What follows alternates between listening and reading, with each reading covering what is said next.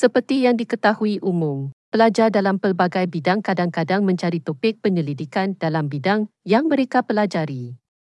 Ideanya adalah untuk menubuhkan pelanggaran laman web antara orang dan bukan hanya ahli akademik yang akan menawarkan idea untuk topik penyelidikan dalam pelbagai bidang dan pelajar yang dapat menggunakan topik ini untuk penyelidikan mereka saya akan perhatikan bahawa saya bukan akademik atau lulusan institusi akademik atau universiti manapun.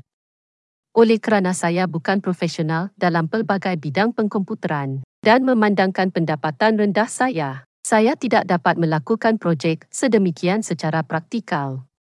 Walau apapun, sesiapa sahaja yang ingin membangunkan projek akan dapat menghubungi saya mengikut maklumat peribadi yang saya lampirkan di sini. Salam. Dikumpulkan di sebelah kanan saya.